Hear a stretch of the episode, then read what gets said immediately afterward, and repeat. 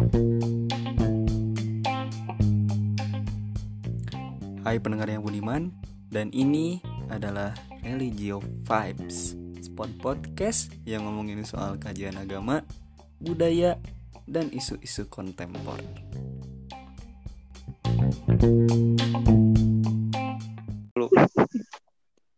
Hai Nika. Hai Adel. Apa kabar? Oke teman-teman, hari ini aku ditemenin sama dua teman aku. Kita mau di mana ya? Di di Orda ya. Iya. Ada. Kita ketemu di Orda teman-teman. Adel ini salah satu mahasiswi di jurusan apa Del kamu tadi? Di hukum ekonomi syariah di Ah. Muamalah lah nama nama Arabnya katanya. Nah, mahasiswi muamalah Adel Hmm. ini.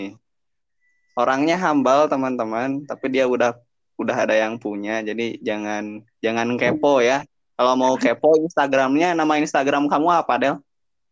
Adalah double L Naputri double I. Siap, siap. Lengkap. sekalian promosi sebenarnya Del. Jadi eh, podcast podcast aku itu didengarnya sampai sampai Merauke. Wah gila gila. amin. Nah, nggak nggak cuma sama Adel aja teman-teman. Aku sekarang juga ditemenin sama Nika. Nika ini satu mahasiswi di Gunung Jati. ketemu di Orda. Hmm. Mahasiswi apa kamu teh? Administrasi publik visip. Anak apa? ya? Anak apa yang banget gitu ya? Apa banget. Nama IG-nya apa nih? Biar teman-teman bisa Hmm, kepo. boleh, boleh. Nah, namanya Nika Saputri, I-nya dua. Oke teman-teman, I-nya dua. Oke, teman-teman kemarin kemarin aku udah udah ngobrol juga sama sama salah seorang teman aku, tapi cuma cuma berdialog gitu. Soalnya temennya laki-laki. Tapi sekarang aku ngajak dua temen cewek aku buat ngobrolin satu hal yang apa ya? eh, itu tuh sangat sangat bersinggungan gitu dengan kehidupan kita sebagai remaja. Eh, enggak remaja sih. Kita kehitung remaja nggak sih? Hmm, kayaknya udah beranjak dewasa deh. Beranjak dewasa ya. Iya. Iya. Tapi hal ini tuh setiap orang pasti pernah ngalamin sih, ya Hmm, kan? iya. Ngalamin Jadi apa tuh? ngalamin ngalamin satu satu apa ya?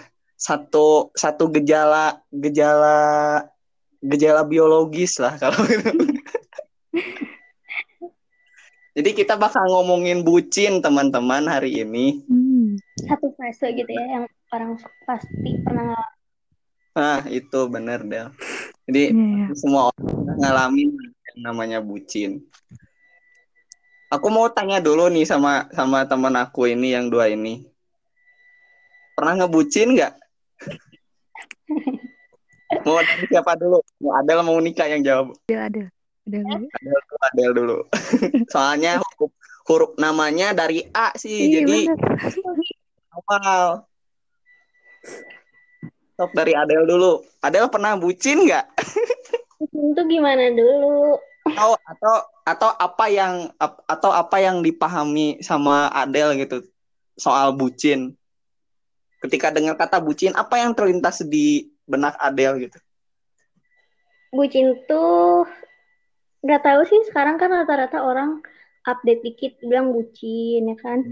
Terus jalan dikit ter ke expose dikit dibilang bucin. Jadi sebenarnya yang benar-benar disebut bucin tuh yang gimana gitu. Kalau kayak gitu mah kan aku juga pernah pasti kalau bilang gitu mah. atau sedang gitu ya Ya gitu. Nah, tapi benar juga sih jadi secara definitif masih masih masih bias gitu ya masih nggak puguh gitu lah yang Hmm. namanya bucin itu kayak gimana gitu Mm, gitu. Ah. Tapi kebanyakan orang sih mandangnya ya yang bucin itu yang yang yang terlalu terpaku pada pasangan gitu. Mm, iya iya. ngerasa ngerasa diperbudak gitu namanya juga budak gitu ya. Bercinta. Nah, kalau sendiri gimana gimana? Apa? Ngebandang bucin Oh. gimana? Hmm, bucin ya. Kan Hmm. eh, singkatan tuh dari budak cinta kan ya bucin tuh. Kalau Hmm. dilihat dari teman-teman aku atau dari eh, zaman sekarang, bucin itu kayak kita tuh rela ngelakuin apa aja gitu demi pacarnya. Terus Hmm, kayak atau pasangannya? Hmm, ya pasangannya. Terus eh, kayak tiap hari ketemu gitu. Makanya orang-orang pada bilang, "Ih, kamu bucin terus tiap hari gini ketemu pacar. Terus sih kata Hmm. Adele, kalau setiap kali expose pasti bilangnya bucin. Kalau di expose ke IG ke mana-mana bucin. Gitu sih. Jadi pokoknya setiap ketemu pacar tuh pasti dibilangnya bucin. Selalu. Oh. Eh, Kayak gitu sih. Nah, yang unik itu, yang unik itu kayak gini nih, teman-teman. Jadi eh, orang ketika ngebucin itu pakai modus modus yang religius gini. Pernah Gimana? nggak sih kayak kayak gitu? tuh? Ya, maksudnya kayak gini-gini. Kayak kayak ada mm, modal modal soleh gitu. Jadi kalau kalau kita kelihatan soleh untuk eh, di di mata pacar tuh jadi jadi nambah nambah apa ya? Nambah karismatik kita gitu buat Hmm. buat buat di depan pacarnya. Pernah nggak sih pacar kalian atau atau atau mantan atau gebetan kalian ngelakuin hal semacam itu gitu buat ngedeketin kalian? Hmm. Ada yang pernah nggak ada?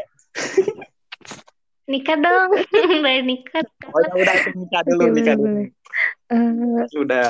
apa ya? Paling ini kalau misalkan lagi deket nih, Fanya cuma nyangetin sholat. Eh kamu jangan lupa sholat ya. Paling gitu. Ya. Padahal itu kewajiban ya. Kenapa? Selalu kayak gitu kalau misalkan lagi maghrib nih. Eh udah kamu sholat dulu ya nanti hubungin aku lagi. Gitu-gitu lah pokoknya. Tapi dihubungin Iya ya? dia hubungin lah. Bang hilang kan nggak lucu juga. Ah. bener bener bener bener. Hmm, gitu. Adel Adel gimana Adel? Tapi kan emang rata-rata kalau apa ya komunikasi gitu kayak udah jadi kebiasaan gak sih kayak ngingetin sholat terus kayak kamu udah sholat? Atau hal-hal yang kayak ya yang nyangkut-nyangkut ke gitu gitu. Kayak udah jadi hal-hal yang bukan gak ada topik tapi emang kayak udah biasa aja gitu. Hmm, Mungkin kita tahu gitu itu tuh kewajiban tapi kayak udah biasa gitu. Udah jadi habit gitu ya. Udah Hmm. jadi eh, udah udah jadi habit seseorang itu ketika ketika ngejalanin satu hubungan. Kalau nggak ngingetin hal-hal yang religius itu nggak nggak afdol Iya, gitu lah. bener. makanya eh, bisa jadi deh Apalagi apalagi sekarang lagi bulan Ramadan Iya, loh. ya Pasti Tapi- pasti selamat berbuka Iya, puasa. selamat sahur. ya Aduh. padahal kalau sebenarnya kita tahu gitu pasti bakal sahur gitu pasti bakal buka Iya. gitu kan Nah, nah, Pasti nah, nah, pasti itu, lah itu, ya. itu, itu yang harus dipertanyakan ke, ke, ke pasangan kalian atau atau gebetan kalian gitu. Kenapa kayak gini gitu? Apakah ya emang pendekatannya dengan perhatian macam ini atau apa gitu? Kayak tapi kan emang rata-rata gitu bukan jadi hal wajib bukan sih ngomong kayak gitu. Heeh, Kayak, kayak wajib banget. rata-rata kebanyakan kayak gitu sih. coba kalau kamu sendiri kan kamu sebagai cowok gimana Tanya balik lu. Aku kan host ini, kan aku host di podcast Ya emang ini kok. boleh nanya ya ya. ya kan maksudnya ini kan dari pandangan perempuan kalau Iya, dari pandangan sama ya. laki-laki kan pasti kamu juga pernah gitu ya Iya kan nih bener bener. main Coba gimana hostnya nih? Tapi ka- ka- kalau aku sendiri ya, kalau jadi rata-rata nih, aku bilang rata-rata ya. Jadi kebanyakan cowok itu emang pengen lihat baik lah gitu di di di mata perempuan. Secara kan, secara kan yang yang selain fisik ya yang dilihat, pri- perilaku dan sifat juga di- dilihat. Jadi kalau misalkan eh, si cowok ngingetin sholat ke ceweknya, wah berarti ini cowok a- a- apa eh, Iya. sholat, suka sholat. Ini kan. Tapi tapi nggak nggak selalu melulu gitu sih Mm-mm. Ada juga yang dibungkus Gitu. gitu ya. juga pernah, ya, aku juga pernah tapi nggak nggak harus selalu setiap saat ngingetin sholat lah dan dia juga udah balik meren Udah gede lah gitu ya. kan Heeh. tapi teman kalau kebayang nggak kalau kalau punya pasangan mau itu pasangannya cewek atau cowok yang terlalu agamis itu menurut kalian kayak gimana sih Agamis. ya misalkan dikit-dikit dikit-dikit ceramah dikit-dikit tablik akbar ada gitu ya. Oh, enggak sih. Males kalau kayak gitu jatuhnya kayak gimana ya? Iya kayak bukan pacaran gitu ya kayak kayak kayak majelis taklim. Kalau sesekali diselipin mah nggak apa-apa kan namanya juga ngingetin ya. Tapi kalau misalkan terus-terusan gitu selama satu kali 24 Ya, jam kayak juga gitu ya? kan jadi bosen juga. Hmm. Tapi aku punya temen dia malah eh apa apa namanya teh eh kesel gitu sama pacarnya karena pacarnya nggak pernah ngingetin sholat hmm, nggak pernah ada juga ada. kayak gitu nggak pernah nggak pernah ngingetin sholat. Terus masing-masing aja pas ditanya nih sama teman aku. Kenapa kamu nggak pernah ngingetin aku sholat? Katanya gitu. Ya, itu mah kewajiban dong masing-masing. Oh kamu juga udah gede udah ngerti. Tapi temen aku nggak suka gitu. Kok bisa gitu ya? Hmm. gitu. Jadi jadi nggak pernah itu nggak pernah. Tuh, teman aku ngomong lah aku nggak suka gitu. Kenapa kamu nggak ngingetin aku sholat? Gitu gitu Oh, kayak gitu ada oh kayak gitu. Terus aku bilang kamu nyaman nggak? Kayak gitu. Enggak malah seenggaknya ngingetin lah gitu Hmm. ah, berarti itu lebih konteksnya ke perhatian kali ya. kayaknya deh Heeh. Jadi kayak kayak nggak merhatiin agamanya gitu. hmm. kan pernah Kan menurut kayak aku gitu juga bener sih kayak ya udah itu masing-masing aja. Kan udah gede ngapain masih diingetin kan ya? Mm-mm. Hmm. Lagi masih Iya, ingat kenapa gitu. kenapa harus Masing-masing kan ya? tapi ya benar sih teman-teman. Eh kalau dalam kajian studi agama ya jadi jadi yang namanya agama itu sebenarnya nggak nggak harus nggak harus diekspos gitu. Yang namanya agama itu Iya. privacy kita. Yang maha kuasa gitu. Jadi setiap jadi setiap kali peribadatan yang kita lakukan ya yaitu intim kita sama sama yang Hmm. apa yang kita sembah gitu. Mau nyembah sama apa aja itu urusan kita sih sebenarnya mah Hmm. Tapi teman-teman yang yang yang aku lihat itu teman-teman kalau misalkan ngelakuin hal-hal yang kata orang itu bucin dalam tanda kutip, kalian gimana rasanya? Maksudnya perasaan kalian dikatain bucin gitu. Aduh aku lupa nih bucin gimana ya? Bohong nih kak Lupa lupa. Aduh. kalau aku pribadi aku, aku kan tipikal orang yang jarang update gitu ya maksudnya jarang update tentang pasangan jadi orang-orang tuh ngiranya pas kalinya aku update aku tuh bucin banget gitu satu Hmm. aku pernah kemarin-kemarin update itu dibanjirin bucin uh bucin uh bucin aduh mulai aduh beger gitu jadi seakan-akan aku tuh kayak baru baru banget bucin gitu Kalau Nah, aku gitu karena jarang expose banget gitu ah. Kalau nikah terakhir kali ngebucin kapan nih? Itu masuknya privasi gak sih? Enggak, enggak, Aduh, enggak, enggak. ya Allah.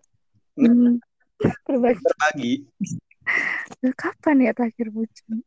Hmm, paling cuman ini sih aku banyak deketnya doang sebenarnya. Kayak teman main, teman jalan. Jadi kayak aku lupa Eh. sih kapan ya aku terakhir kali dibilang bucin.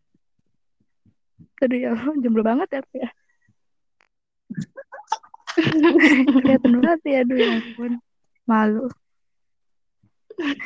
Sebenarnya Tapi yang jadi perhatian banyak orang ya, sebenarnya banyak nih ya, kayak kayak akun-akun akun-akun Instagram nih Hmm. mungkin. Juga foto kayak gerakan tanpa pacaran Oh, kayak gitu kan. Itu kan ber- berarti itu kan ada unsur agamanya gitu. Jadi menganggap bahwa ya menjalin hubungan dengan sesa, eh, apa? Dengan sesama jenis. Dengan, dengan lawan dengan lawan jenis di luar di luar ikatan pernikahan itu ya ya haram Hmm. gitu teman-teman matang itu kayak gimana dari anggapan pribadi teman-teman aja sih Siapa dulu nih? Adel siapa deh. aja lah dulu Adel sok Adel. Indonesia tanpa pacaran ya. nah itu gimana Kalau ngomongin agama kan udah pasti pasti udah tau lah itu di Quran surat Al-Isra juga udah jelas. ya Abu zina gitu ya. Tapi gimana ya? Kalau ngomong kalau misalkan emang ngomongin ke agama memang sulit dede maksudnya. hmm. emang emang emang udah pasti haram gitu cuman karena gimana ya eh kan baik gimana? Susah aja sih ini sehat atau enggak sehatnya gaya pacaran kita kan tergantung kita sama pasangan kita. Kalau nah misalkan itu. kalau misalkan kita masih masih misalnya masih di batas wajar hanya cuma sekedar temen chat atau temen temen diskusi temen apa ya temen ngobrol segala macem gitu kan ya. Itu misalkan masih wajar wajar wajar aja gitu. Eh, kecuali kalau misalkan udah ke arah yang mm, ke mengacu ke kenakalan remaja kayak gitu. iya iya benar benar kalau menurut Nika Hmm, sendiri gimana tuh Aku, sebenarnya sih kata Adel yang susah kalau udah ke agama mah soalnya kan pacaran itu udah, udah kayak budaya ya. Kayak mau agama pun juga ya pacaran Hmm. pacaran aja gitu. Cuman ya kita juga seperti kalau misalkan ini pacarannya arahnya ke mana nih kalau ne arahnya negatif ya sebaiknya ditinggalkan. Tapi kalau misalnya arahnya ke hal-hal yang baik ya kenapa enggak ya? Soalnya kan kita juga kan kayaknya butuh semangat enggak sih? Kayak butuh support system selain dari keluarga. Kan kalau benar pacaran benar tuh benar kayak benar. motivasinya tuh kayak jadi lebih gak sih? Gitu. Iya. nah jadi kayak semangat gitu nggak kenapa eh, benar. selain keluarga ya ini gitu. Karena karena gini teman-teman aku aku bukan seudon ya tapi tapi aku lihat fenomena fenomena fenomena yang ada di lapangan gitu. Teman-teman kita yang yang eh, apa yang anti terhadap terhadap itu gitu ya terhadap pacaran ter- terhadap menjalin hubungan di luar ikatan pernikahan dengan lawan jenis gitu. Mereka itu secara secara tidak langsung yang melakukan melakukan itu gitu. Karena karena aku pernah Gimana? aku pernah lihat nih aku pernah lihat Eh, aku aku nggak sebut aku nggak sebut nama organisasinya lah. Ya eh, depannya L eh, belakangnya semikir nih. tengah-tengahnya D. Apa ya? Itu, itu nama organisasinya. Jadi waktu itu aku lagi la- Hmm. ki- kita lagi PBAK nih ya angkatan 2017 PBAK ada satu stand tuh. Ada, ada stand stand stand organisasi kayak gitu kan. Suka di gerokan-gerokan gitu. Nih kakak deh ayo deh masuk organisasi ini deh gitu. nah terus tuh aku tuh agak tertarik tuh. Di di di, di halaman kayak gitu. Nah aku lihat tuh. Jadi gerak gerak. Emang emang menjaga banget gitu agar enggak agar agar enggak kontak fisik dengan dengan ses, dengan lawan jenis. Bahkan ketika ngasih pulpen mereka mereka sambil punggung punggungan bayang gak sih? Jadi jadi yang si ceweknya itu munggungin yang si cowok terus ngasih pulpen gitu ke belakang. Kebayang gak sih? Kebayang gak nah kayak gitu. Aku aku pernah lihat juga. Eh, tapi tapi anehnya nih, ketika aku main waktu itu aku aku main ke ke sekre ke sekre salah satu organisasi temen aku. Eh, nah itu tuh sekrenya tuh kan deketan di bawah masjid kalau nggak salah. Iya di bawah masjid. mereka mereka ngobrol hadap-hadapan gitu ngobrol hadap-hadapan mereka bahkan nggak nggak nggak ada batas gitu organisasi itu nah, itu jadi jadi aku mikir kok kok gini? kata aku. Jadi seakan-akan mereka di luar di luar itu Jadi, emang di- emang ngejaga Hmm. gitu. Ngejaga apa di biologi mereka gitu agar nggak nggak dekat sama lawan jenis gitu. Sampai-sampai eh, nyer apa nyerahin pulpen aja sambil sambil punggung-punggungan gitu. Adalah jaraknya satu meter gitu. Jadi di, di dikasihnya tuh lewat belakang itu mereka sang punggung-punggungan gitu. Tapi ketika dicek mereka ada depan ngobrol gitu. Muka dengan biasa kayak gitu. Aku jadi aneh gitu kenapa ya? Teman kalau kalau menanggapi fenomena yang kayak gitu gimana sih? Ya kasarnya kasarnya mungkin kita bakal nganggep wah munafik ya kan? Framing gitu ya Heeh, kayak gitu. teman-teman gimana sih mandangnya kayak gitu Jadi kepo apaan ya itu?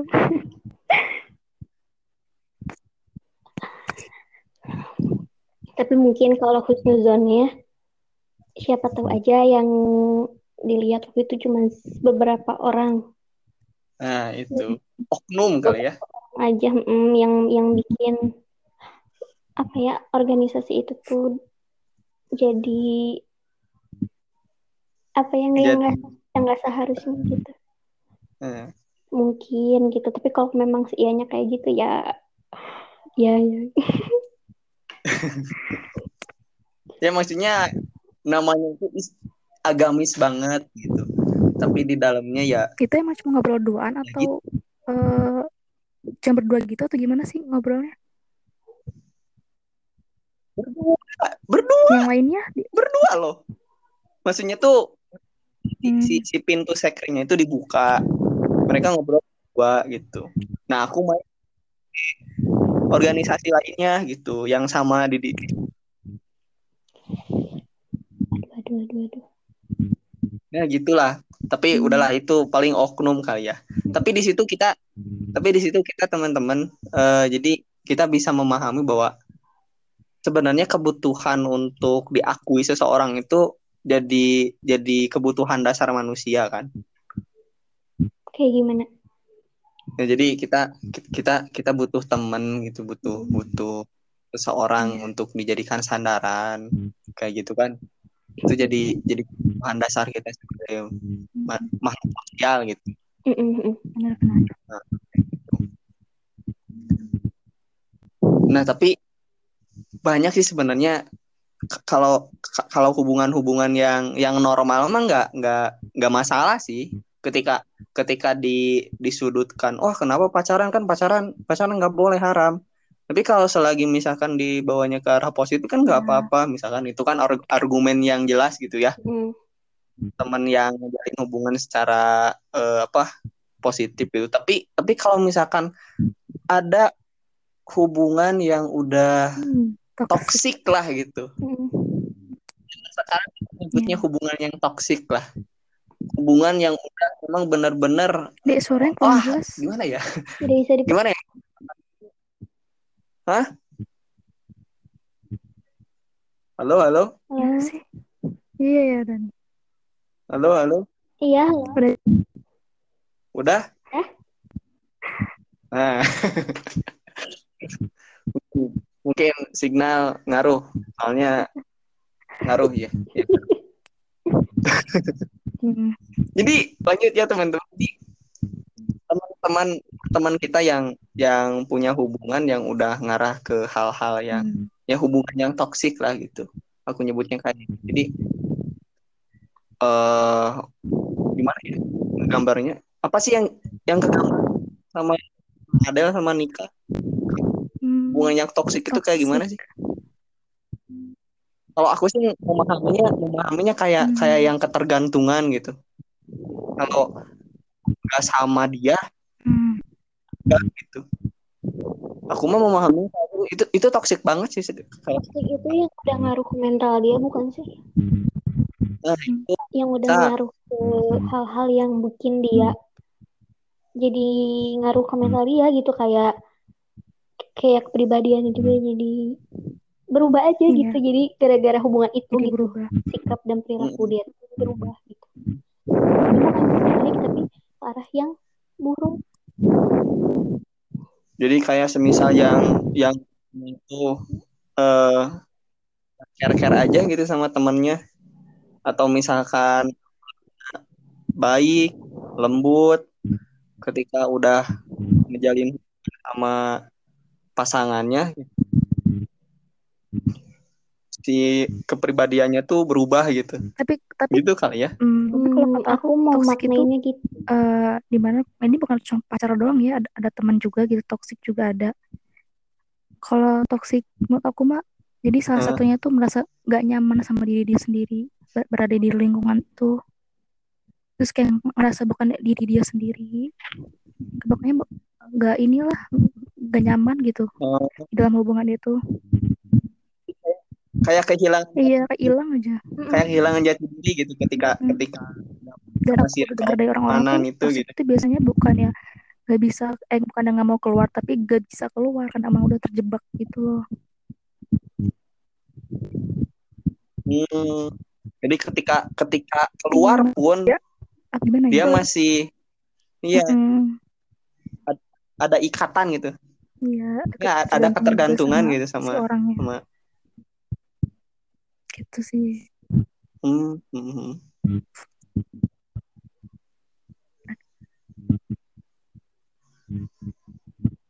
Ini kalau kalau kalau kasus di pacaran sih sebenarnya emang emang banyak sih yang udah kayak gitu kalau kalau menurut aku. Iya. Em, Maksudnya kayak kayak yang udah si udah beberapa tahun nih nge- ngejalin hubungannya da- dan mereka itu sebenarnya nggak saling nyaman gitu. Udah nggak saling nyaman tapi kayak tapi- udah udah stuck di situ. eh, tapi nggak bisa keluar. iya iya Eh, Hmm, benar-benar semua semua yang yang apa yang yang ada dalam dirinya itu udah udah udah Iya. dicampuri sama sama pasangannya gitu bahkan hal-hal yang yang private sekalipun gitu toksik kan Iya. maksudnya ya, maksudnya ketika ketika ketika udah ada eh, apa kita punya pasangan terus hal-hal yang menurut kita itu private itu dibagi ke ke ke pasangan kita itu aku udah udah menyalahi etika Hmm. dan norma dalam berpacaran. Hmm, ya kan jadi seakan-akan kita tuh jadi jadi semacam disandra gitu kita lepas dari dia wah aib kita itu Hmm. mana-mana gitu Hmm. pernah nggak nemu kasus yang kayak gitu sih Gimana ya?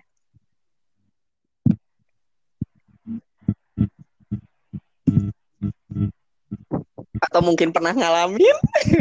Amit amin jangan sampai Yang enak banget tapi kayaknya bukan yang karena kan aku juga punya pengalaman di hal toksik itu di hubungan. Dia tuh keluar Hmm. karena nggak bisa. Tapi satu satu lain satu misalkan karena sayang. Jadi si rasa sayangnya itu Nah ya gitu sih. ya udahlah nggak apa-apa Orang-orang tuh bilangnya dengan Itu jurus ya udah nggak apa-apa deh Kalau- gitu. Selalu kayak gitu.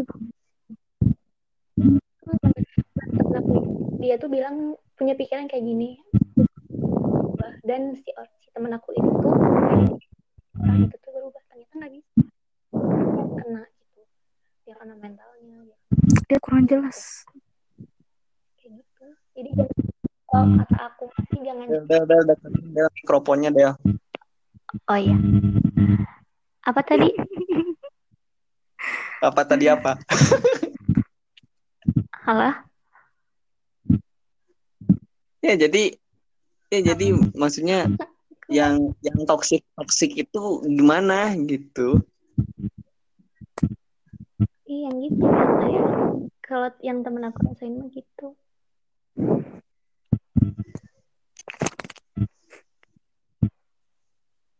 yang mereka tuh bukan halo Halo. Uh, jadi uh, mereka tuh bukan nggak bisa, tapi mereka tuh selalu punya pikiran Iya kalau sih, itu- dia itu tuh bakal benar. berubah gitu. Jadi teman aku itu pengen jadi pelantara orang tersebut itu bisa jadi berubah dengan di, dari dia gitu.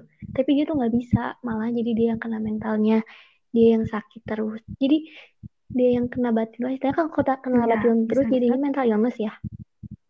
Hmm. Terus eh dan akhirnya nggak bisa aja udah nggak bisa gitu. Dan dia lepas pikir kalau Hmm. misalkan kita buat nyembuhin karakter seseorang yang kayak gitu ya udah daripada nanti diri kita yang kena kan kayak teman aku itu tuh dia maksa banget udah pasti bisa setiap orang Hmm. pasti bisa berubah kayak Hmm. gitu tapi nah ini dia yang kena dia sekarang lagi proses lagi gitu Hmm. penyembuhan penyembuhan diri Jadi ya jadi kayak kayak dia tuh merasa merasa dia tuh obat gitu buat pasangannya. Gitu nggak sih? Katanya kayak gitu. Tapi sih kalau gitu. aku kalau berubah gitu, itu menurut dia ya kalau misalnya dia berubah ya pasti berubah. Tapi kan kita bukan bukan objek buat dia berubah. Sebenarnya kita cuma bikin semangat doang. Jadi kalau soal berubah mah itu mah gimana dia lagi sih sebenarnya kata aku. Nah, itu Nah. cuma kayak cuma Satu semangatin kewajiban doang. Tapi gitu. kalau yang berubah ya dia lagi yang balik ke dia lagi gitu. jadi mindsetnya tuh sekarang ya kebanyakan kebanyakan teman-teman kita yang yang berpacaran kayak gitu yang yang menjalin hubungan merasa mereka bahwa mereka itu udah udah udah jadi pelengkap hidup dia gitu. Padahal Hmm. mereka mereka belum punya ikatan yang mutlak gitu. Ngerti nggak sih? Iya ya. Jadi mereka rela rela ngebagi kehidupan mereka dengan dengan, dengan orang dengan mereka yang belum yang belum apa ya yang belum memiliki satu kewajiban gitu untuk kita. Ya wajar lah sekarang sekarang misalkan kalau udah nikah pasti kan udah punya kewajiban gitu Hmm. buat ngebagi hidup gitu sama suami atau istri. Semua permasalahan harus dipecahkan bersama gitu. Itu kan jadi salah satu kewajiban gitu kalau udah jadi suami istri. Tapi kalau misalkan masih pacaran, walaupun itu emang jadi satu pembelajaran buat nanti ketika kita udah eh, berkeluarga gitu, udah menjalani bahasa rumah. Tapi itu nggak nggak nggak bisa diiniin sih. Maksudnya ketika ketika kita udahan pun kan kan yang yang kena dampak kita juga. Iya. Heeh.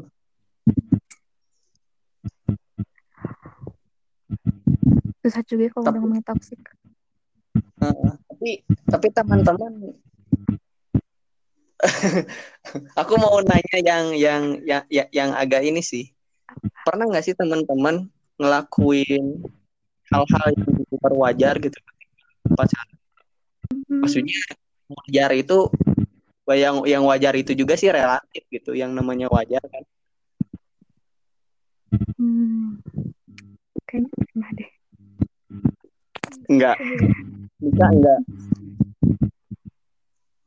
Enggak. Kalau Adel enggak. Enggak. Ya udah kalau enggak. Ya enggak. iya ya udah kalau enggak. Jadi teman-teman sebenarnya yang kita obrolin ini sih ya emang seputar perbucinan ya jadi pacaran-pacaran yang nah eh, untuk untuk penutup nih aku mau minta tips dari teman-teman dari Adel sama Nika tips buat ngejalin hubungan yang sehat kayak gimana Hmm. Ah, punya aja enggak deh, dek. Hah? Punya aja enggak. Ya nggak apa-apa kan kan kan itu perspektif kita ya Hmm. Jadi kalau mis- misalnya itu kayak yang yang yang nggak punya aja bisa bisa aja mereka punya punya punya ya punya keinginan punya hubungan yang sehat kayak gimana jadi satu harapan Hmm, misalkan gitu. Heeh. Oke. dari nikah dulu lah dari nikah dulu Kalau menurut aku tips buat hubungan sehat itu sebenarnya harus ada manduru dari pasangannya sih kata aku kayak ke depan kita mau gimana nih kita mau ngapain gitu kayak nggak cuma pacaran doang yang kayak uu gitu lah Jadi kayak ada uh, komitmen dari mereka nya. Kalau misalkan dirasa emang udah nggak bener nih, coba aja buat keluar gitu walaupun susah. Tapi sebenarnya kita sadar kok itu udah nggak bener gitu hubungannya. Ya, ya coba aja Hmm. saling bangun hal positif supaya hubungannya juga bakal sehat gitu. Itu sih. ngebangun hal-hal positif kali ya Iya. nah, kalau ada gimana hubungan yang sehat ya deketin atuh Del mikrofonnya ih kadengi makan wae Nah. hubungannya susah banget sih pertanyaannya iya tips tips untuk membangun hubungan yang positif. Kayak gimana? Hubungan yang positif. Yang pertama sih jangan pernah ngerusakin kepercayaan. Ngerusak kepercayaan. Mm-mm, kepercayaan. Terus jangan pernah nyoba-nyoba buat ngelihat kanan kiri gitu lah. Maksudnya kalau misalkan udah sih udah udah mengacu menghilangkan pondasi gitulah pondasi hubungan itu pertama kali dimulai gimana gitu. Terus kalau misalkan sekiranya bisa sebenarnya kendali kendali hubungan itu bisa positif atau negatif itu sebenarnya ada di diri kita sendiri. Kalaupun misalkan pasangan kita eh, apa mengajak untuk ke hal-hal yang berbelok kalau misalnya kita punya kendali kan kita juga bisa menahan gitu hmm. jadi eh, sebisa mungkin mah kalau misalkan kita tetap mau pacaran nih kuatin iman kita maksudnya imannya yang jangan gimana ya jangan yang, yang jangan terlalu paku ini susah ih ngejelasinnya ya jangan ja, ya islami islami islami moderat lah kayak gitu ya Iya, Yang iya mau- bisa. Nah, kayak gitu. Hmm. Ya, sebenarnya kata Nika, kalau misalkan dirasa udah nggak sepaham, udah nggak apa ya, udah nggak udah nggak satu visi misi gitu kan ya, kira-kira kayak gitu. Obrolin dulu aja gitu, sampai ngambil keputusan yang udah kita udah obrolin dulu, sekiranya memang ada jalan keluar dan ada kesimpulan buat keduanya, ya udah gitu Hmm. daripada dipaksain malah jadi jahat dan memaksakan diri gitu. nah Gitu. Oke teman-teman terima kasih ya nemenin Dede ngobrol sebenarnya aku gabut sih kayak Dari Dede, tolong dari Dede.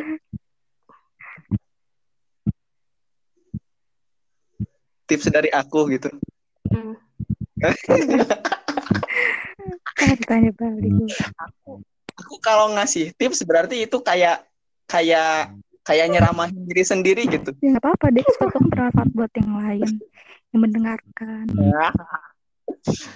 Enggak sih aku aku setuju sih sama, sama sama kalian berdua apalagi apalagi yang kata Adel yang yang jangan eh, sampai ngerusak kepercayaan yang udah pasangan kita kasih itu sih yang ya, yang paling yang paling aku sesali gitu Curhat, Aduh. curhat ini mah euy. Aduh.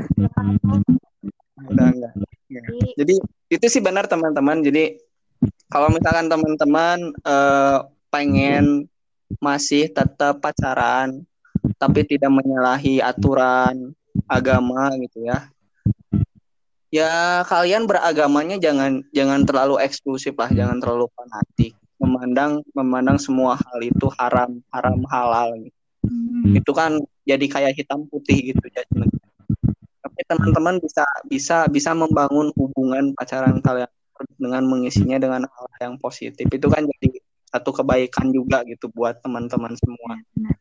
Jadi jangan jangan sampai teman-teman bahwa eh, pacaran itu ya ya ya ya emang sih bagi sebagian orang itu emang bagi teman-teman yang masih tetap pengen pacaran untuk menghindari pacaran yang toksik toksik itu bisa bisa teman-teman itu eh, lakuin tips-tips dari kedua teman aku ini ya.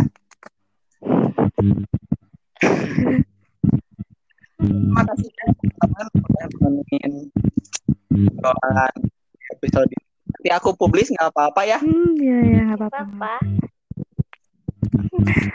ya ajak ajak juga teman-teman kalian buat dengerin podcast aku. siap siap Iya. Oke, siap. Semoga puasanya lancar sampai sampai H. Sampai H. Hmm, dijauhin dari yang tadi kita omongin. Ya, dijauhin dari Hmm, hal-hal yang toksik dan hubung eh, hubungan hubungan yang yang di luar norma dan etika lah. Kayak gitu. Circle-circle Iya. mana pun. Mau Nah, itu teman atau pacar mana pun. Nah, mau pacar hubungan, pokoknya relasi-relasi sosial yang yang membuat kita membuat rusak lah. Bahwa kita dipenuhi dengan dikelilingi orang-orang yang positif Hmm. dan komunitas-komunitas eh, circle-circle yang positif Amin. juga. Amin. Baik, teman-teman itu mungkin ya. Makasih sama-sama banyak untuk ngobrol. See you next time teman-teman. Eh, dan ini Religio Pipes.